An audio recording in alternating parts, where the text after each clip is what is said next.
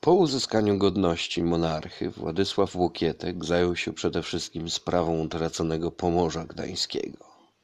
Doceniając potęgę zakonu i znając słabość własnego kraju, nie mógł sobie pozwolić na zbrojne rozwiązanie sporów.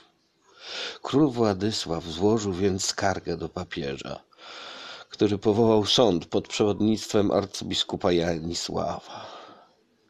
Już w trzy miesiące po koronacji króla rozpoczął się polsko-krzyżacki proces w Inowrocławiu. Na początku 1321 roku wydano wyrok. Zakon miał zwrócić Polsce Pomorze, a za bezprawne zajęcie i przetrzymywanie dzielnicy zapłacić wysokie odszkodowanie. Orzeczenie było to wielkim sukcesem politycznym Polski, mimo że zakon wcale się nie zastosował do postanowienia sądu papieskiego.